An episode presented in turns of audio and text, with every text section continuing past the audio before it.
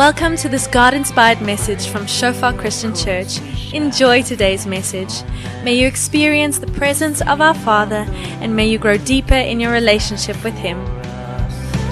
Oh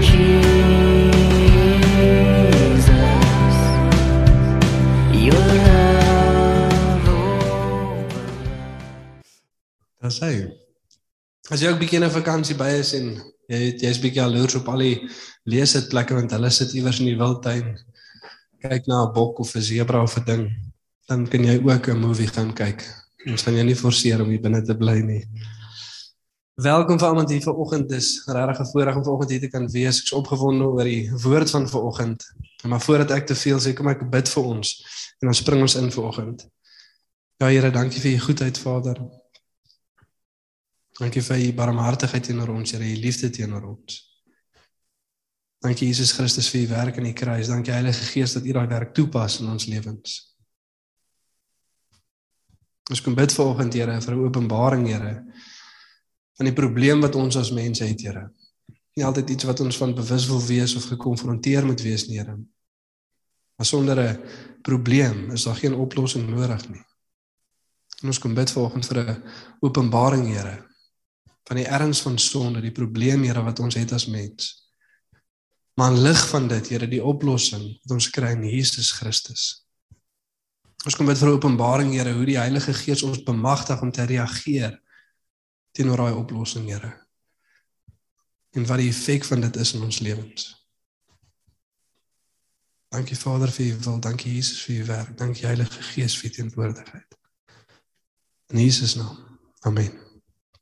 So ons titel vir vanoggend is die evangelie uit genade alleen.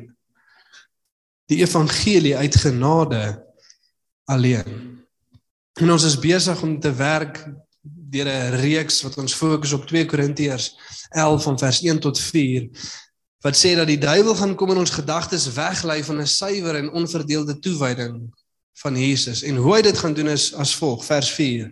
Want as iemand kom en 'n ander Jesus verkondig as wat ons verkondig het, of as jy 'n ander gees ontvang as wat jy ontvang het, of 'n ander evangelie as wat jy aangeneem het, laat julle dit goed geval. En soos wat ons gesien het, hierdie misleiding wat in die vroeë kerk was wat nou in ons tyd is en wat gaan toeneem al hoe meer die eindtyd nader kom, is nie so maklik om raak te sien nie. Dit is so maklik vir ons gewees het as iemand 'n ander geloof aan ons kom verkondig het, maar skrif sê dis nie wat gaan gebeur nie. Hoe jy van God af weggelei gaan word is deur 'n ander Jesus, 'n ander evangelie, 'n ander gees. Ons het die laaste 3 weke twee keer gekyk na die Bybelse Jesus, wie Jesus werklik is, wat Jesus van ons verwag. Wie hy is, nie hierdie sagmoedige, nederige mens wat net niemand kom aanstoot gee het nie. Net altyd vir ons goeie goed sê en nie verwag dat ons deur enige swaar tye moet gaan nie, nee nee nee. 'n Ander prentjie van Jesus wat die Bybel vir ons skets. Laasweek het hy nie begin en gepraat van die evangelie. Ons gaan hierdie week aangaan met dit en die volgende 2 weke gaan ons kyk na 'n ander gees. En ons het gesê dat die vyand wil die volgende ding kom doen. Hy wil die beeld van God kom verdraai. Hy wil die persoon en werke van die Heilige Gees kom verdraai en die boodskap van die Eli, van die evangelie kom verdraai. En ons gaan volgens fokus op die boodskap van die evangelie en wat vir ons belangrik is om hierso op te let. Dis soos wat Paulus ook sê in die laaste stuk van 2 Korintiërs 11 dat hierdie mense kom en hulle vermom hulle self as werkers van Christus, apostels van Christus, werkers van geregtigheid. En dis nie vir ons iets nie want die duiwel vermom homself ook as 'n engel van die lig. So nie net is die boodskap moeilik om uit te ken nie, maar die mense wat die boodskap bring is ook moeilik om uit te ken. Hulle gaan teen teen een die titel pastoor of dominee, apostel of profeet hê. Gaan in 'n gebou wees met dalk 'n kruis op en daar gaan lofliedere gesing word, daar gaan woord verkondig word. Selfs uit die Bybel uitgelees word, maar uit konteks en 'n verdraaiing van die waarheid. En 'n belangrike ding wat ons moet besef sodat ons gaan fokus op die evangelie. As ons 'n ander evangelie aanvaar, dan draai ons weg van die werklike Jesus af en ons word ook gelei deur 'n ander gees. In ons westerse wêreld hou ons nie baie daarvan nie. Nee, in Timoteus 4 vers 1 sê dat in die later dae gaan mense afvallig raak van die geloof en hulle self toewy aan leerstelling van demone, bose geeste. 'n ander evangelie gaan jy 'n ander Jesus volg en 'n ander gees gaan jou lei. Dis die werklikheid. Daar's nie 'n ander opsie nie. En hierdie mense wat kom gaan moeilik wees om uit te ken en wat belangrik is vir ons om te verstaan as dit kom by die boodskap van die evangelie is dat die autoriteit van die evangelie lê nie in die boodskapper nie, maar in die boodskap. Sjulle met my volgende. Die autoriteit van die evangelie lê nie in die boodskapper nie. Dit maak nie saak wie dit bring nie. Dit lê in die boodskap. Paulus praat in Galasiërs 1 vers 8 en praat ook van hierdie mense wat na 'n ander evangelie toe besig is om te draai, 'n werksgebaseerde evangelie waarop ons vandag bietjie gaan fokus. En dan sê hy selfs as ons of 'n engel 'n ander evangelie aan julle verkondig, laat hom vervloek wees. Dit maak nie saak of dit 'n hemelse wesens of 'n apostel is wat 'n ander evangelie verkondig nie, laat hom vervloek wees. Die autoriteit van die evangelie lê nie in die boodskapper nie. Dit maak nie saak wie hom bring nie. En ons moet versigtig wees want ons as mens het daai tendens. As Angus Buckham vanoggend se Kuna toe moes kom, sou ons daai hele stadion volpak. Mense sal van vakansie af terugry. Want hier kom nou 'n groot geestelike mens. Sien die probleem wat ons baie keer het is ons dink dat die autoriteit van die boodskap lê in die boodskapper, nie in die boodskap self nie. En ek sê nie ons moenie saam optrek en hierdie groot goeder saam doen nie. Al wat ek sê is ons moet versigtig wees waar ons die autoriteit van die boodskap sit. In die een wat die boodskap bring of in die boodskap self. Maar baie keer sê ons Jesus maar hulle doen wonderwerke daai mense. Jesus mense word genees, mense staan uit rolstoele op, kankers verdwyn. 'n Interessante ding is in die boek van Tessalonisense As dit praat in hoofstuk 2 van die laaste dae en die misleiding wat gaan kom, dan sê dit dit gaan kom met allerlei wonders en tekens. En die mense gaan dink omdat hierdie mense oulike goeders doen, sekerlik moet hulle van God af wees. En die skrif sê wees versigtig vir dit. Dit gaan nie oor die boodskapper nie, dit gaan oor die boodskap.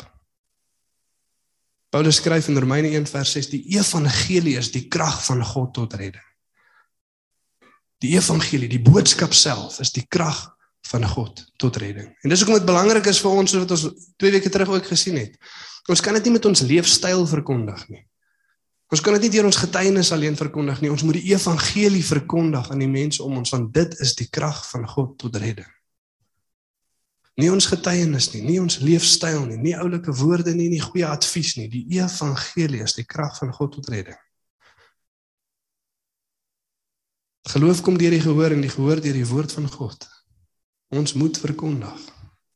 Sê in Romeine 10, dan sê dit hoe gaan hulle glo in die een van wie hulle nog nie gehoor het nie en hoe sal hulle hoor as ons nie hom nie verkondig nie? Verkondiging moet gebeur, die boodskap moet uitgaan. En dan in daai selfde stuk skrif leer ons ook in Galasiërs dat as ons na ander evangelie toe draai, draai ons ook na 'n ander God toe. En sê in vers 6 vir hulle, ek is verbaas hoe vinnig julle wegdraai van hom wat julle geroep het in die genade van Jesus Christus en draai na ander evangelie toe. Julle draai weg van God af en na ander evangelie toe. Hulle word met 'n ander gees gelei. Belangrik vir ons om dit te verstaan, soos wat ons na die evangelie kyk. En daar's twee pole waartoe mense gewoonlik gaan, soos wat Henny laasweek met ons gedeel het, die vrygenade evangelie, lawlessness, wetteloosheid wat sê dat ek net 'n kop kennis sê, ek net sou erken. Erken jy dat Jesus Christus een of ander tyd op aarde was? Jesus, ek doen. Okay, jy's gered. Nee. Deur geloof alleen, maar ware geloof produseer ware resultate. Amen. As jy werklik in Jesus glo soos wat nie gesê dan bely jy jou sonde, jy draai weg van dit af en jy draai na God toe. En dit produseer iets in jou lewe. As jy my glo, as jy geloof in my het en ek sê vir jou luister jy as jy geseënd wil wees, dan ry jy eers Burger King toe, dan McDonald's toe, dan huis toe. En as jy my glo, sal jy dit so doen. En baie keer sê ons ons glo in Jesus, maar ons doen nie wat hy sê nie. Dit maak nie sin nie. Hoekom noem julle my Here, Here en julle doen nie wat ek sê nie? Jesus self gesê.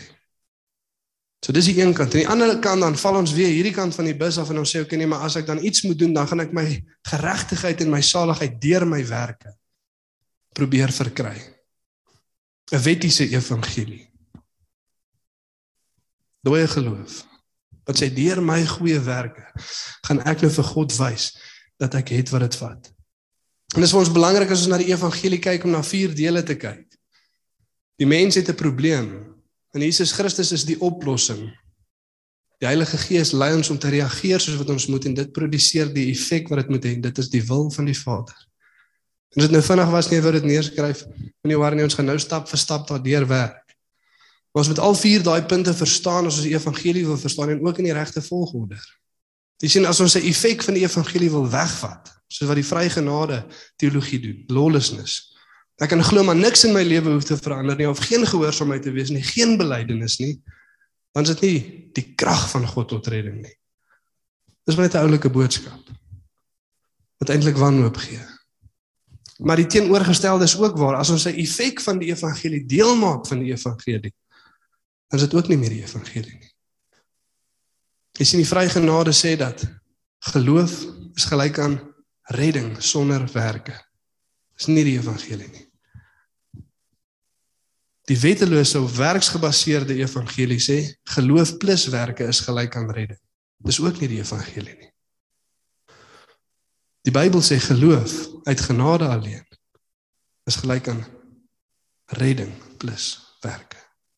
Ons is dan gered en omdat ons gered is, produseer dit goeie goed in ons lewe. Dis nie vraag is hoe baie kan ons die evangelie verander sonder dat dit die evangelie nie meer is nie. Ons kan niks verander nie, dan is dit nie meer die evangelie nie. Geen meer goeie nuus nie. Belangrik vir ons om reg te verstaan. En ons gaan nou vandag kyk na hierdie evangelie wat gebaseer is op werke. En voordat ons begin wil ek ons 'n vraag vra sodat ons vanoggend kan sien waar ons is.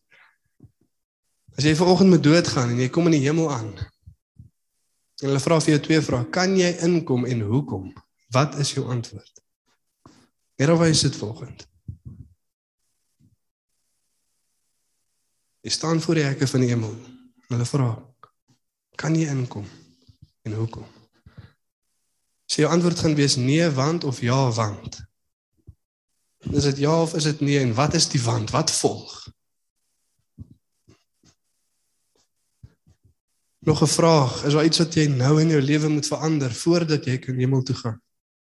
Wat is jou antwoord?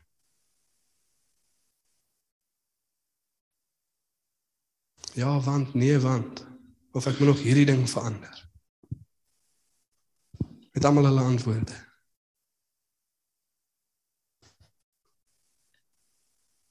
As jy jou vraag geantwoord het ja of nee, en die want wat gevolg het is ek, dan is jou antwoord verkeerd. Verkeerd. Nee, want ek verkeerd. Ja, want ek verkeerd. Kan nie so begin nie. U is die een op wie ek vertrou, soos ons net gesing het. U is die een op wie ek bly bou. Die enigste antwoord wat reg is is ja, want God. Of nee, want God. Maar nie ek nie. Dis 'n werksgebaseerde evangelie. Ja, want ek ek lees genoeg Bybel, ek bid genoeg, ek gaan gereeld kerk toe, ek gee my tiende. Nee, verkeerd. Verkeerd.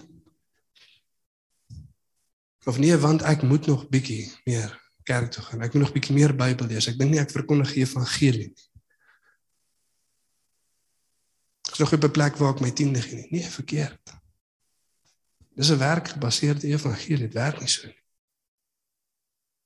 Die enigste regte antwoord is ja want God. En ons gaan nou mooi daardeur werk. Maar voordat ons daardeur werk, wil ek net vir ons 'n paar van die vrugte van 'n werkgebaseerde evangelie lei sodat ons kan sien vanoggend waar ons is. As jy glo in 'n evangelie wat gebaseer is op jou goeie werke, dan sal die volgende in jou lewe wees: of hoogmoedigheid of wanhoop. Een van die twee. Of jy gaan die verkeerde idee van jouself en die probleme het wat ons het as mens en jy gaan in jou hoogmoedigheid dink dat jy kan eintlik God tevrede stel met die goeie werke wat jy doen en jy gaan hoogmoedig wees. Kyk hoe oulik is ek. Of jy gaan besef ek kan dit nie doen nie. Bietjie nader aan die waarheid. Ek kan dit nie doen en jy gaan wanhoopig raak want hoe kan ek? Hoe kan ek my geregtigheid self verdien? Definitief gaan God nie met my tevrede wees as ek eendag voor hom staan nie hoogmoedigheid of wanhoop. En jy sal sien in die mense om jou ook. Jy verwag van almal om jou om beter te wees, want kyk jy's jy's beter. Sou hulle beter ook wees. In jou huwelik sal dit manifesteer. Geen genade, geen vergifnis, want Jesus hoef my nie te vergewe nie. Ek ek doen mos my deel. Sê gaan my vrou of my man nie vergewe nie, hulle beter ook, hulle deel doen. As ek dit kan doen, kan hulle ook. Jou lewe sal gekenmerk wees dat wanneer jy God volg, is daar altyd iets wat jy wil hê wat nie God is nie. Jou gebedslewe as jy begin bid, sal hierdie een ding sal dit heeltemal oorheers. Hierdie persoon wat jy wil kry, 'n man of 'n vrou of 'n werk of iets wat genees moet word of iets wat gefiks moet word, maar is nie God homself. As ek dien, as ek begin weer kerk toe kom, as ek weer begin bid, as ek weer begin Bybel lees. Ons al hierdie ding wat ek wil hê. En ons sien dit in die gelykenis van die verlore seuns. Ons dink baie keer net die een jongste seun was verlore, al twee seuns was verlore. Een was in die veld en een was in die ver land, maar nie een van hulle was in die vader se huis nie. En die een se fisiese afstand was dalk verder, maar die verhoudingsafstand was ewe ver. Jy sien toe die jong seun huis toe kom, Dis die ouer boetie kwaad. Hoe kan hy weer? Al die jare is ek nog hier so besig om vir vir, vir, vir u te werk. Altyd gehoorsaam en jy het my nooit 'n bokkie gegee sodat ek saam my vriende kan gaan kuier nie. Hy wil ook nie die vader hê nie. My soek iets sodat hy saam sy vriende kan gaan kuier. Nie een wil God hê nie, die een is die einddoel God nie. Werksgebaseerde evangelie. Ek doen my deel, God beter sy deel doen. En ons sien so elke nou en dan as iets verkeerd gaan in ons lewe, die huwelik wil nie meer lekker werk nie of die die finansies is nie meer lekker daar nie of iemand raak siek of wat ook al gebeur, Jesus, nou begin ek bid, nou begin ek weer kerk toe kom. Ek wil 10 rand in die vending masjien sit en ek beter daai blikkie Coke kry want ek doen my deel, God beter sy deel doen. Is julle met my? Die oomblik as ons die blikkie Coke kry dan is ons weg. Hoekom sal ek dan nou aanhou geld in diening sit as ek gekry het wat ek wou gehad het? Werksgebaseerde evangelie. Vergelyking. Sê konstant met ander vergelyk wat hulle doen en wat hulle het. Is ek goed genoeg? Kom ek kyk na die mense om my. En baie keer ook in 'n sin van niks doen amper half nie. So eers ek sien nie die vrug van redding in jou lewe nie. Eers maar ek's ten minste beter as 'n ander klomp mense. 'n Klomp mense in die tronk, ek's ten minste beter as hulle, so ek moet dit seker maak. God sal tevrede wees met my. Of jy's ek doen meer en dan kry mense goeders nie. Ek kan nie gelukkig wees met enige iemand wat iets kry of wat God mee seën met iets nie, want hoekom? Hoekom? Hoekom hulle? Ek doen ook my deel. Waar's myne? Ek doen meer as hulle. Ek dien meer as hulle. Waar's my deel? Werksgebaseerde evangelie. Verdeling, jaloesie. Geen versekering van redding of 'n valse versekering van redding. Dis in die Rooms-Katolieke Kerk. Ons glo, die Bybel sê vir ons dat die Heilige Gees is in ons harte uitgestort en ons roep deur hom Abba Vader. Ons is verseker van ons van, van ons redding. Ek weet dat ek gered is en ek weet ek sal saam Christus vir ewig wees. Ek weet dit. Nie oor enigiets wat ek gedoen het nie, maar oor wat Jesus Christus vir my gedoen het. En as jy dit vir 'n Rooms-Katolieke mens aan sê, dis 'n self dis 'n dis 'n self-righteous statement daai. Hoe kan jy dit sê? Dink jy jy's regtig goed genoeg dat jy weet jy gaan hemel toe? En sê ek nee, ek weet ek is nie. Maar ek weet wat Jesus Christus vir my gedoen het. Werksgebaseerde evangelie. En dan gaan mense dood om ons en goeders gebeur en as jy vra, "Jesus, dink jy hy is in hemel?" Nee, ons weet nie, net God sal kan sê. Hoekom? Want dit God nou maar opweeg of as sy werk goed genoeg of nie. Ons weet nie. En dan geen of min dankbaarheid teenoor God. Geen of min dankbaarheid teenoor God. As God iets doen in jou lewe of jy kry iets of wat ook al gebeur, Jy het mos so gewerk vir dit. Ek meen wie sê jy jy's dalk baie bly as jou pyn nou inkom, maar jy's nie baie dankbaar nie. Ek het nie net gewerk vir dit. Nee. Kan jy volgende dag na jou baas dink, "Eers ou. Dit was nou onverwags." Dankie. Jy gaan vir hom definitief sê jy het dit nie verdien nie. Kyk, ek het omtrent niks gedoen nie. Toe py hulle my nog steeds. Dankie. Nee, jy verwag dit. En baie keer het ons dieselfde mentaliteit met God. So in lig van dit en in lig van hierdie verkeerde konsepsies wat ons baie keer het, kom ons lees wat die skrif vir ons sê oor redding. Efesiërs 2 van vers 1 tot 10. Julle was dood as gevolg van julle oortredings en sondes wat voorheen julle lewenswyse gekenmerk het.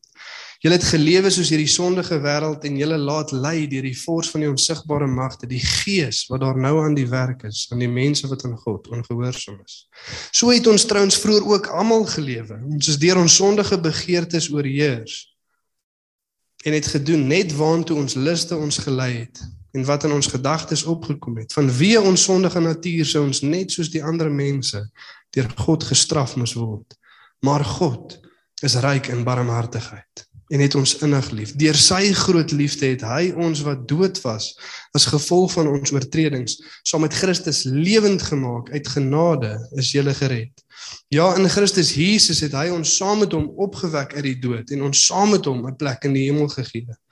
Sodat God ook in die tye wat kom sou laat sien hoe geweldig groot sy genade is deur die goedheid wat hy in Christus Jesus aan ons bewys het. Julle is inderdaad uit genade gered deur geloof. Hierdie redding kom nie uit jouself nie.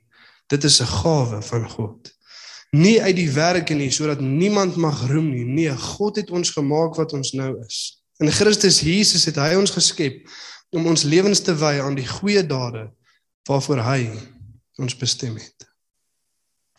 Mooiste skrif wat die evangelie vir ons mooi oopbreek. En weer eens wat ek gesê het ons moet vier dele hierso raak sien as ons dit reg wil verstaan. Ons het al baie daaroor gesels in kerk, ons het by Encounter 1 nou ook die laaste tyd baie daarop gefokus. Vier dele van die evangelie, ek het dit nou net genoem, wie wil my help? Wat is die eerste een? Probleem. Die mens het 'n probleem. In die ware evangelie sal jy al vier hierdie goeie sien. Die mens sal daar wees, Jesus sal daar wees, die Heilige Gees sal daar wees, en die Vader sal daar wees. Maar die mens het 'n probleem. Dis wat ons na die partytjie toe bring. Dis wat ons het. As die visse en die brode uitgedeel word en ons vra of almal, "Jesus, wat het jy ons het?" 'n probleem. Dis wat ons het. Dis wat ons na die tafel toe bring. Tweede is die oplossing in lig van die probleem, gevind in Jesus Christus, sy dood op die kruis, sy opstanding uit die dood, sy perfekte lewe. Dis die oplossing. En dan in lig van daardie moet daar 'n reaksie wees. So wat Henny laasweek gesê het, ons kan nie net kopkennis van dit vat nie, nee, daar moet geloof wees bekering van sonde en lig van die genade van God. Wegdraai van dit af, terugdraai na God toe. En die Heilige Gees bemagtig daai reaksie in ons. En dan is daar 'n effek. En die effek is dat ons weer herstel word na die wil van die Vader toe. Dit is wat redding in ons sal produseer. Ons sal weer begin loop en lyk soos wat ons veronderstel is om te loop en lyk. Elke dag 'n bietjie meer soos Jesus. Die eerste twee is genade, die laaste twee is geloof. Die probleem en die oplossing, dis genade. Die reaksie en die effek, dis geloof. So kom ons kyk lekker saam daardeur, vers vir vers. Vers 1 tot 3.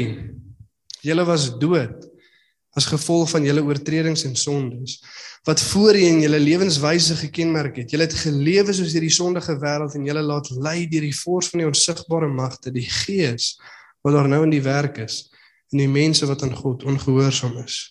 So het ons trouens vroeër ook almal gelewe. Ons is deur ons sondige begeertes oorheers, net gedoen net waant ons liste ons gelei het. En wat in ons gedagtes opgekom het van wie ons sondige natuur sou ons net soos die ander mense deur God gestraf moes word. So so probleem is drievoudig. Wie is die probleem?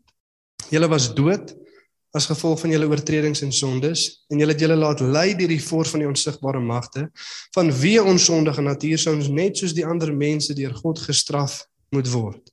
Dood en sonde beheer deur die duiwel bestem vir God se straf. Dis 'n ernstige probleem.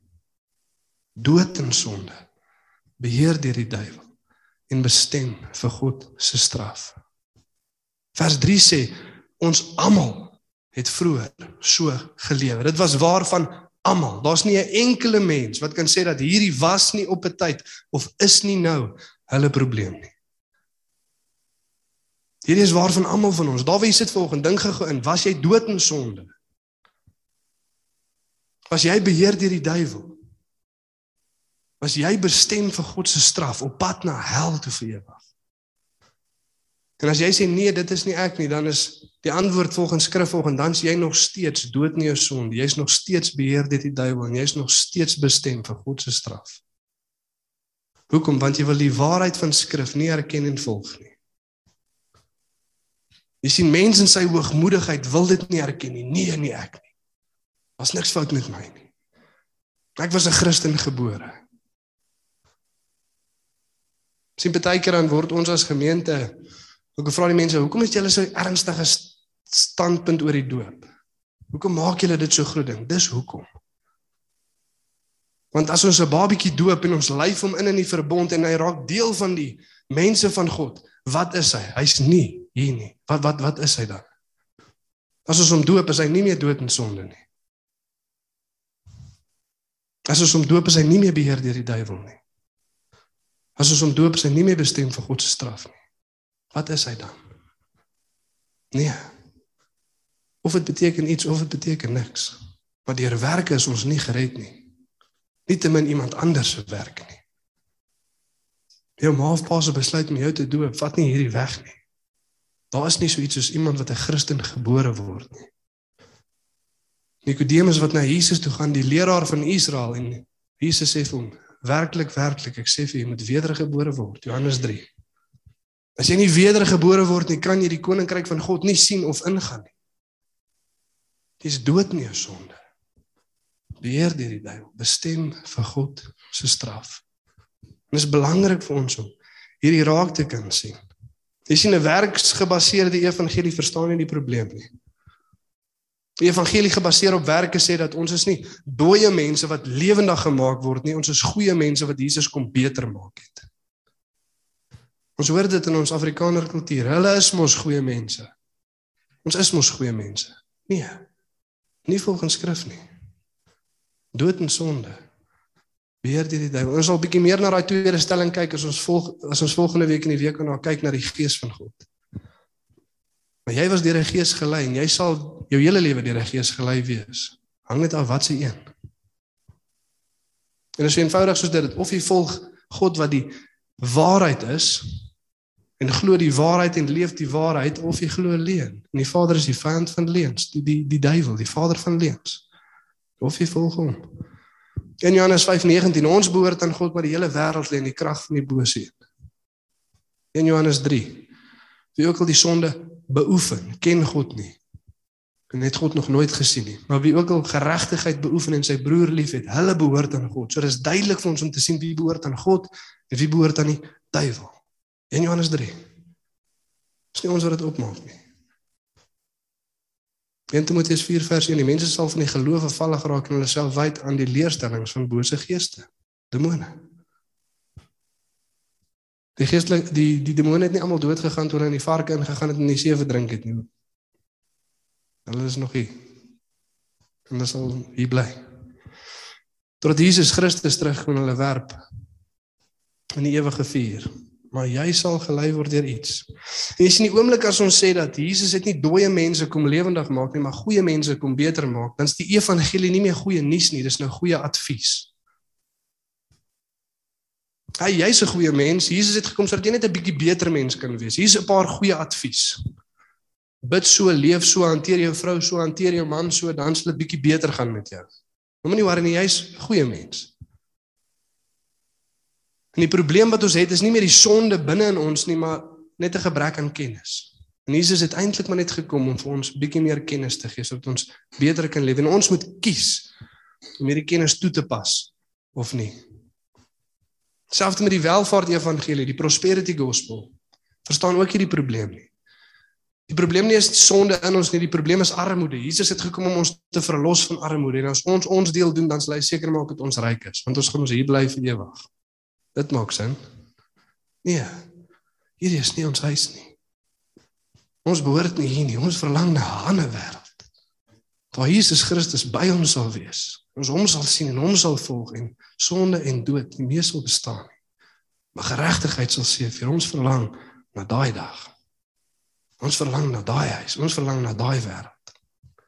Ons wil net kyk hoe gemaklik en hoe ryk ons hier kan word nie. Die probleem is binne ons.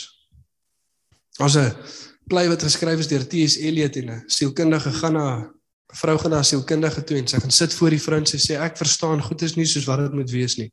Asseblief sê vir my, ek het 'n probleem.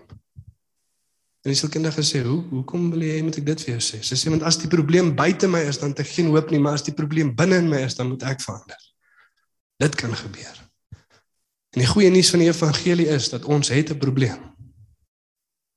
Elke liewe een van ons.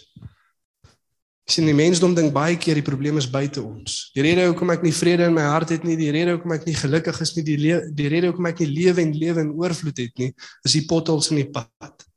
Nie gat in my hart nie, gat in die pad.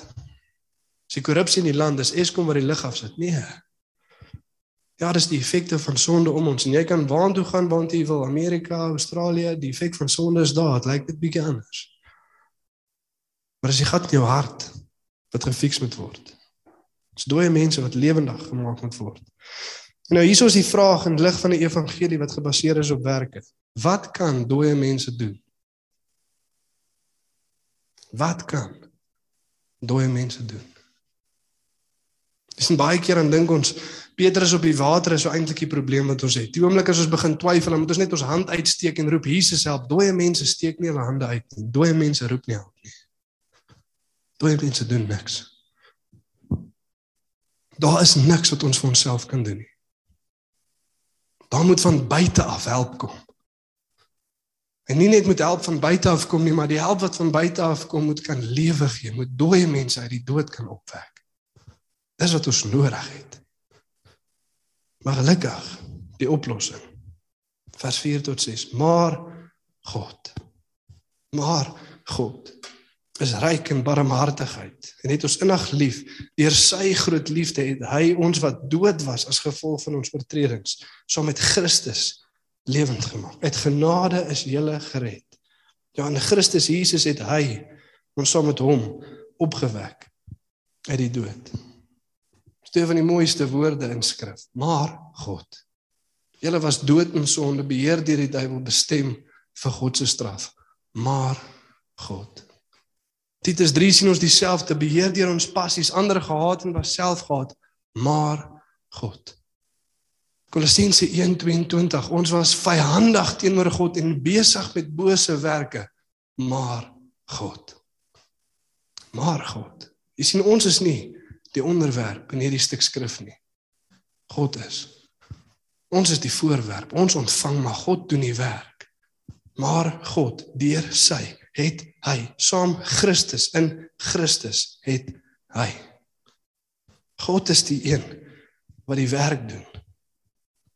Jesus is die oplossing. Hy het die lewe gelewe wat ons moes lewe en hy het die dood gesterf wat ons moes sterf. Passiewe en aktiewe gehoorsaamheid. Hy het nie net vir ons gesterf sodat sy bloed ons skoon was en ons weer deur ons eie werke moet wys ons het wat dit vat nie nee. Selfs sy gehoorsaamheid, elke liewe rein woord, elke liewe stap van gehoorsaamheid, perfekte lewe van Jesus Christus word ook ons in as God ons uit die dood uit opwek. Sy geregtigheid raak myne. En deur sy bloed is ek vergewe. Dis wat regverdiging beteken. Beteken dat as ek in die hof staan voor God en hy wil weet of ek skuldig of onskuldig, dan is ek onskuldig, regverdig voor God te dank aan Jesus Christus en hom alleen. Maar sien dan wil die mensdom nog steeds sê nee, ons wil self. Dankie Jesus, maar nee, ons wil self. Ons wat Paulus sê in Galasiërs 5 vers 4 dat as jy deur die werke van die wet jou geregtigheid wil verdien, dan het jy weggebreek van Christus af. Jy het weggebreek van genade af. Maar ons wil self. Soos 'n klein 1-jarige of 2-jarige. Jy kan sien hy gaan dit nie kan doen nie. Maar hy wil self. En ons wil ook self. En die vraag wat ons osself moet vra is hoekom sal ons self wil as Jesus Christus plaai het? En eerste is ons wil in beheer wees. Ons wil in beheer wees. Ons wil bepaal waartoe ons gaan en wanneer ons intoe gaan. Ons hou van oulike quotes, I am the master of my faith and the captain of my soul. Skrif sê nee, jy is nie. Jy is nie. You're not the master of your faith. You're not the captain of your soul. Dis of beheer deur die vyand of deur 'n liefdevolle God. Maar jy is nie in beheer nie skynbare oppermag van mens. Maar jy is nie. Ons wil in beheer wees. Tweedens ons hoogmoed wil nie erken ons het 'n probleem nie. Om vir God om jou te kom lewendig maak, moet jy dood wees. Amen. Moet jy dood wees. Derdens wil bietjie bargaining rights hê. As ek iets na die partytjie toe bring, as ek ook iets doen, as ek ook 'n goeie werk bydra, dan kan ek bietjie bargain met God. Ek het mos nou my deel gedoen, so ek kan ook bietjie sê nee, ek wil nie regtig dit nie, ek gaan nie regtig daai nie. Timothy Keller is 'n dag besig om met 'n vrou te gesels en ook oor genade alleen en sy sê dit regtig, as ons deur genade alleen gered, is daar niks wat ek kan byvoeg nie, is daar niks wat ek kan gee nie. En hy sê niks. Sy het genade alleen. Sy sê dis scary. En hy vra hoekom is dit scary? Hy sê want as dit uit genade alleen is, dan is daar niks wat hy nie vir my kan vra nie. Daar's niks wat God nie van my kan verwag nie. Uit genade alleen is ek gered. Ek bring niks na die partytjie toe nie. Net die sonde wat dit nodig maak. En ons sien dit reg deur skrif. Abraham aan gaan God hom dan sê hy vat jou enigste seun, jou seun vir wie jy lief is, gaan offer hom vir my op 'n berg. En die reaksie is nie nee, hy kan nie dit vir my vra nie, ek het my deel gedoen. Nee, wat is die reaksie? Vroeg die volgende oggend het Abraham opgestaan, sy goed gepak en begin loop. Die gat ons. Daar's niks wat hy nie vir my kan vra nie. Want daar is niks wat hy nie vir my gedoen het nie. Uit genade alleen is ons gered. Belangrik vir ons om te verstaan. Ons sien in Lukas 18 vers 9 tot 14 is daar 'n storie Dit sê vir ons dat Jesus vertel hierdie storie in vers 9 en sê en met die oog op mense wat op hulle self vertrou vir hulle regverdiging en neerkyk op ander het hy hierdie storie vertel. Twee manne het gaan bid, een 'n fariseer en een 'n tollenaar. En die fariseer begin bid en sê dankie Here dat ek nie soos ander mense is nie. Moordenaars, rowers, egbreekers en soos hierdie tollenaar. Ek vas twee keer 'n week en ek gee 'n tiende van alles wat ek het. En sê die tollenaar een kant af kan nie eens opkyk na die hemel toe en hy slat sy bors en hy sê Here wees my genadig 'n sondaar. En Jesus sê die laaste man het huis toe gegaan regverdig voor God, nie die ander een nie. Want elkeen wat homself verhoog sal verneder word en hy wat homself verneder sal verhoog word. As jou gebedslewe so lyk, as jou houding teenoor God so lyk, Here dankie dat ek nie soos ander mense is. Jy gaan 'n verrassing kry as Jesus Christus terugkom eendag. Tot ons sê in Matteus 7 op baie staan en sê Here Here en hy sê gaan weg van my af, ek ken jou nie. Want ons het baie goeie werke gedoen in u naam nie, baie goeie goed. As jy gaan weg van my af, ek ken julle nie, julle werkers van ongeregtigheid. Jy wat vertrou op jouself vir redding. Ek ken jou nie. Nie hoogmoedigheid. Ons moet dit verstaan. En dit lei na die reaksie toe. As ons besef dis die probleem wat ons het, as ons besef dis die oplossing wat Jesus Christus vir ons doen. Ons sê dit in vers 8. Julle is inderdaad uit genade gered deur geloof. Hierdie redding kom nie uit julleself nie, dis 'n gawe van God, nie uit die werke nie sodat niemand mag roem nie. Deur geloof alleen. Soos wat hy nie gesê het, wat beteken dit? Dit beteken ek bely my sonde, ek laat staan my sonde, ek draai weg van my sonde af en ek draai na God toe. Maar jy sien selfs die geloof is 'n gawe van God. Selfs hier is God die een wat werk. Deur geloof, maar hierdie geloof kom nie uit jouself nie. Hierdie redding kom nie uit jouself nie. Dis 'n gawe van God. Nie uit die werke nie, sodat niemand mag roem nie. Selfs hier is God die eerste een wat werk. Dis nie vraag wat ons osself moet vra toe ons dood was in ons sonde. Het ons besluit dat ons gaan iewers bietjie geloof bymekaar maak terwyl ons dood was? En toe soos wat dooie mense geloof bymekaar skrap, toe kom God en maak ons lewendig. Of was ons dood in ons sonde en God het ons kom lewendig maak en dis hoekom ek geloof het. Die tweede een. Die tweede een. Jy sien selfs hierso sê 'n evangelie gebaseer op werke. As ek nie my werke kan bring na die tafel nie, dan wil ek ten minste self kan besluit. Skrif sê jy kan dit self nie doen nie. Jy besluit nie self nie. Nee, God het jou kom lewendig maak en vir die eerste keer kon jy sien. En dis hoekom jy geloof in hom sit. Dis nou was twee glase water, een vuil water vol rioolwater en ons 'n glas skoon water, die lewende water. En ons hele lewe lank, dag na dag, minuut na minuut, het ons daai vuil water gedrink. En 'n werksgebaseerde evangelie wil sê dat ek het iewers slim genoeg geword en ek by my kennis het toe besluit nee, die ander water gaan beter proe en ek kies dit self. Die skrif sê nee, jy kon daai water nie sien nie en toe God jou lewendig maak en jou oë oopmaak, toe kon jy dit vir die eerste keer sien en dis hoekom jy dit nou drink. Maar God het die werk gedoen. Hy is weer eens die onderwerp. Ons is die voorwerp. En jy sal dit sien in die manier hoe ons lewe ook. As ons 'n evangelie glo wat gebaseer is op mense wat kan kies, dan sal ons 'n evangelie verkondig wat mense wil kies. En ons hoor dit baie keer in ons getuienisse, "Jesus, my lewe was so swak geweest, my lewe was so erg geweest, maar toe kom God en toe maak hy alles reg, kies God." Nee. Laat ons se evangelie verkondig en laat ons redding verkondig soos wat ons daarvoor bid. Hoe doen ons dit? God kom red. Hoe bid jy as jy wil hê God moet mense red? Bid jy dat hulle sal kies of omdat God sal kom red? Ons bid dat God sal kom red. Laat ons sulke redding verkondig. Jesus Christus moet kom lewendig maak. Maar laat ons die evangelie verkondig soos wat ons daarvoor bid. Jesus Christus moet kom red. En ons dit ook sien as ons hierdie ding het dat ons vir een of ander rede self tot op hierdie kennis afgekom het. Ons het self besluit, ons het tot insig gekom en het ons God gekies. Jy gaan dit sien weer eens in jou hoogmoedigheid. Gaan jy na die mense om jou kies en wonder wanneer gaan hulle ook nou begin reg kies soos wat ek reg gekies het. Hoekom is hulle nie so slim soos ek nie? Ek kon sien en toe kies ek en toe begin ek God volg. Wanneer gaan hulle dieselfde begin doen? Terwyl ons daar moet sit en compassion hê met die mense om ons en weet dat die enigste ding wat kan red is die evangelie van God, want dis die krag van God tot redding. In plaas van hulle vra om reg te verkies gebaseer op my testimony om die evangelie te verkondig sodat God dooie mense kan kom lewendig. Maar die evangelie moet verkondig word. En dit lei ons na die effek. Die onvermydelike effek van God wat kom lewe gee. Vers 9 en vers 10 nie uit die werke nie sodat niemand mag roem nie. Nee, God het ons gemaak wat ons nou is. Weereens, God het ons gemaak wat ons nou is.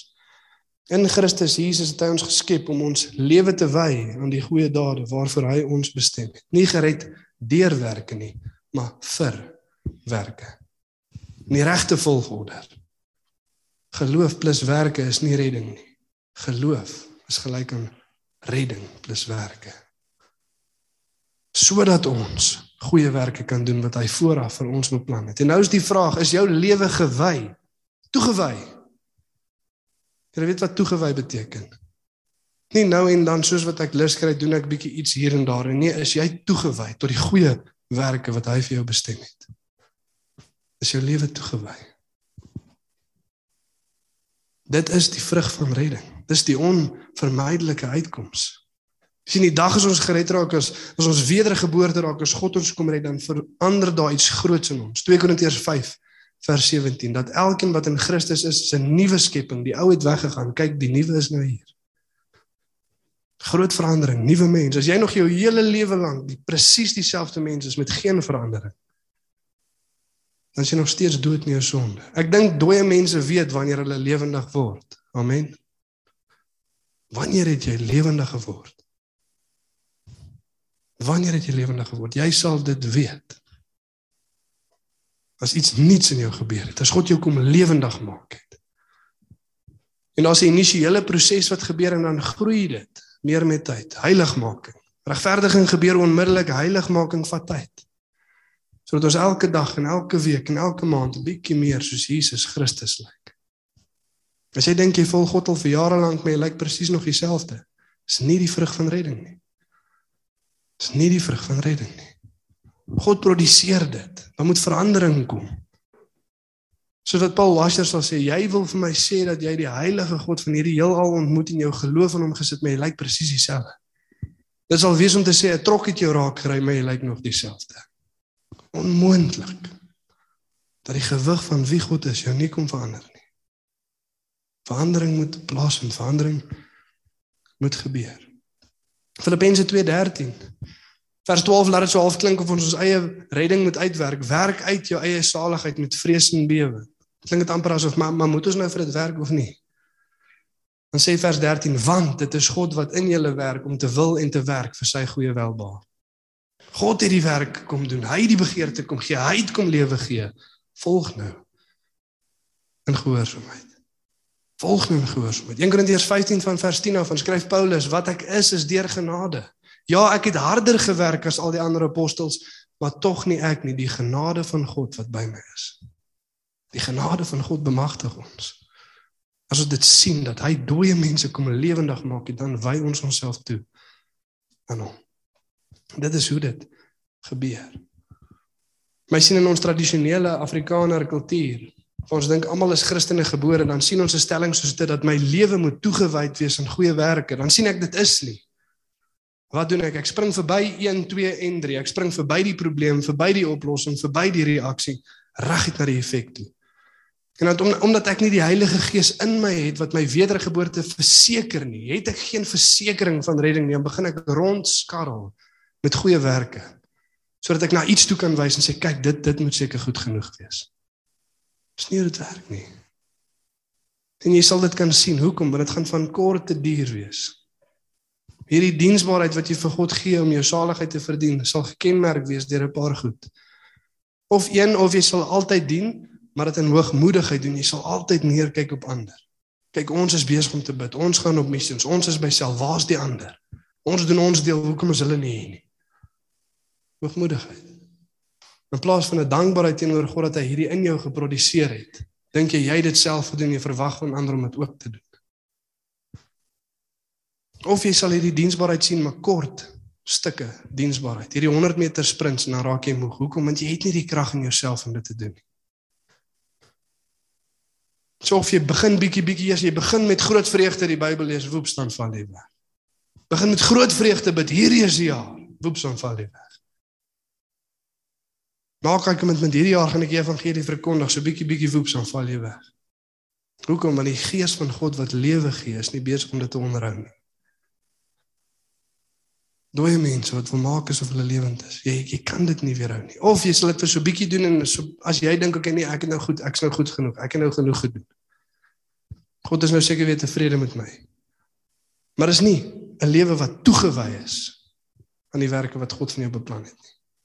Ek het nou my deel gedoen. Ek het weer 'n bietjie intercession toe gegaan. Ek was weer 'n bietjie by selgroep, weer 'n bietjie by kerk. Ek het seker nou my deel gedoen. God sal hierdie jaar tevrede met my wees. Ek gaan nou 'n bietjie terug lê. Volgende jaar as ek weer 'n bietjie moet doen, sal ek weer weer 'n bietjie doen. Totdat ek dink my geregtigheid is nou weer goed genoeg vir hierdie jaar, dan val ek weer weg. Die vraag, is jy toegewy aan die werke wat God vir jou bestem het? Weet jy wat is die werke wat God vir jou bestem het? Weet jy wat hy vir jou beplan? Nader tot hom. Wat is die reaksie as ek sien nee, hierdie goeie is nie daar nie. Jy slat op jou bors en jy roep uit: "O God, wees my genadig." 'n Sondaar. Dis die reaksie. Moenie verby die probleem hardloop nie. Moenie verby die oplossing hardloop nie. Moenie verby die reaksie hardloop en begin met goeie werke nie. Kom by die kern uit. En pleit by God om dooie mense te kom lewendig maak. Amen. Ek eindig vir ons af met die rede. Wat is die rede van die evangelie? Ook nie ons nie. Sodat vers 7 sodat God ook in die tye wat kom sou laat sien hoe geweldig groot sy genade is deur die goedheid wat hy in Jesus Christus aan ons bewys het. sien ons vyf soulas van die reformatie. Soulas beteken alleenstellings. Dit sê die Christen is gered uit genade alleen deur geloof alleen in Jesus Christus alleen soos geopenbaar deur die skrif alleen tot die glorie van God alleen Die rede vir ons redding is nie sodat die wêreld kan sien hoe oulik ons is, hoeveel waarde ons eintlik het nee tot die glorie van God alleen Hy is die onderwerp Ons is die voorwerp waardeur hy sy glorie verkondig in hierdie wêreld, maar sodat ons kan sien hoe groot sy genade is. Alles gaan oor hom. Amen. En vanoggend is die vraag: besef jy wie Jesus is? Nie een of ander sagmoedige mens wat iewers rondloop met 'n skaap op sy skouers en almal net wil tevrede stel en niemand aanstoot wil gee nie. Hy is die koning van konings. Die een wat deur wie alles bestaan en vir wie alles bestaan. Geregtige, heilige, vlekkelose lam van God. En as jy vraag besef jy wie jy is? Besef ons wie ons is volgens besef ons die probleem wat ons het. En dan staan ons voor daai heilige God. En wat is die reaksie? Maar God in sy goedheid het ons kom lewendig maak in Jesus Christus. Besef jy wat hy vir jou gedoen het? Kom ons staan volgende dan. Bid ons saam.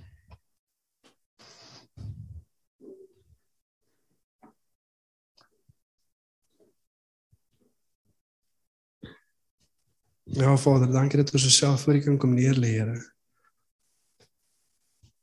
En vir U kan kom dankie sê Vader vir elke liewe persoon, Vader, met 'n versekering in hulle harte volgens Here met die gees van God wat uitroep, Abba Vader. Ons is seuns en dogters van God. Kom sê ons dankie, Here. En vir elke hart, Here, wat vanoggend nie getuig van dit nie, Vader, wat rondskarrel met dooie werke. Wat op hulle self vertrou, nie op U nie, Vader of op een of ander besluit vertrou wat hulle een of ander tyd gemaak het. Ek het gekies. En selfs vir die Here wat wanhoopig is, wat sê ek sal nooit goed genoeg kan wees nie. Kom slaat ons ook op ons bors, Here, en ons kom sê wees ons sondaars genadig. Kom maak dooie mense lewend vanoggend, Here. Maar ons bring nie veel met die partytjie toe nie. Net die sonde wat redding nodig maak.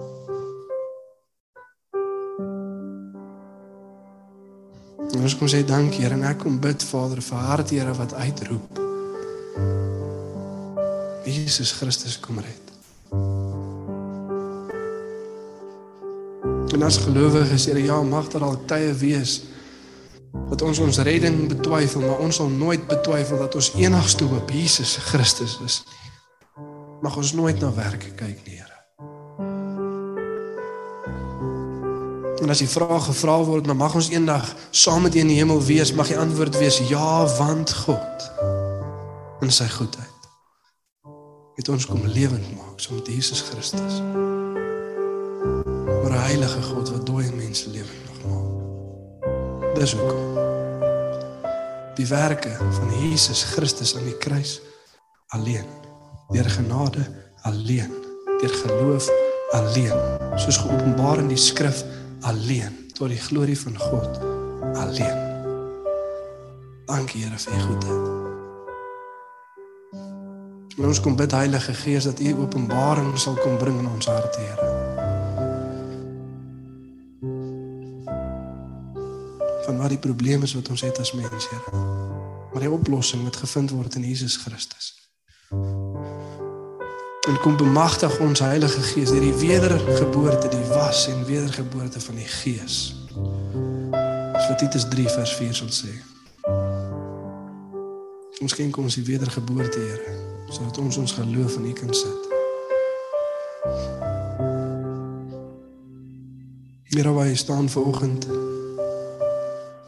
As jy seker is van jou redding, sê vir God dankie. Dankie, Here kom skep weer dankbare hart in my. En vra vir God, wat is die goeie werke wat hy vir jou beplan het en wy jouself toe daarin, maar daar is niks wat hy nie van jou kan vra nie. Selfs om dood te gaan vir sy naam is nie te veel nie. Om te ly vir sy naam is nie te veel nie. Ons is geroep om deel te hê aan die lyding van Christus. En as jy vanoggend hier staan en daar's geen dankbaarheid in jou hart teenoor God nie, 'n valse vertroue op jou eie werke, hoogmoedigheid, wanhoop, wat ook al dit is. Lig op jou stem na God en sê Here, wees my 'n sondaar genadig. Wees my genadig, Here.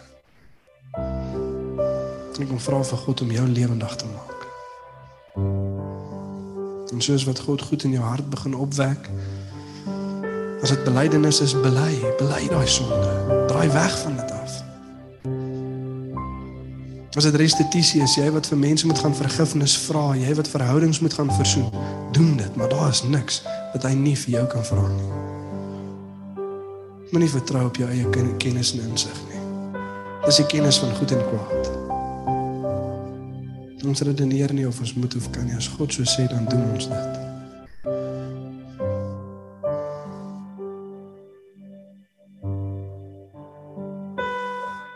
Al wat ek vra is moenie net vanoggend hier staan nie.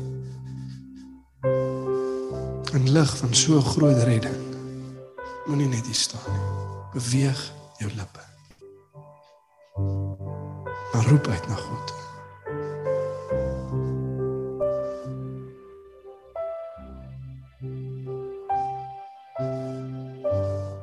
Ja, Here, dankie vir u goedheid, Vader, en dankie dat u Gees uitgiet, Here. Mense kom lewendig maak, Vader. Dankie, Here, vir u wat nou, Here, met harte praat, Vader. Ons besig om party weer te herinner, Here, en die vreugde van hulle saligheid te herstel. Vir ander is u besig, Vader, om goed uit te wys, Here, wat nie reg is in hulle lewe nie. Maar met dit sê u het vir hulle die genade gegee om te reageer teenoor daai goed, Here, om dit te bely en te laat staan. Party van ons vanoggend die Here druk op jou hart. Daai mense wat jy moet vergewe, daai vergifnis wat jy moet gaan vra, daai verhouding wat jy moet gaan versoen. Wees vanoggend bewus wie vir jou dit vra. Dis die heilige God van die heelal. Deur wie vir wie alles geskep is. Wees gehoorsaam. Hy weet beter. En party weet nie waar om te begin nie. Begin deur te sê, Here, wees my genadig. Sê vir God jy weet nie waar om te begin nie, maar begin.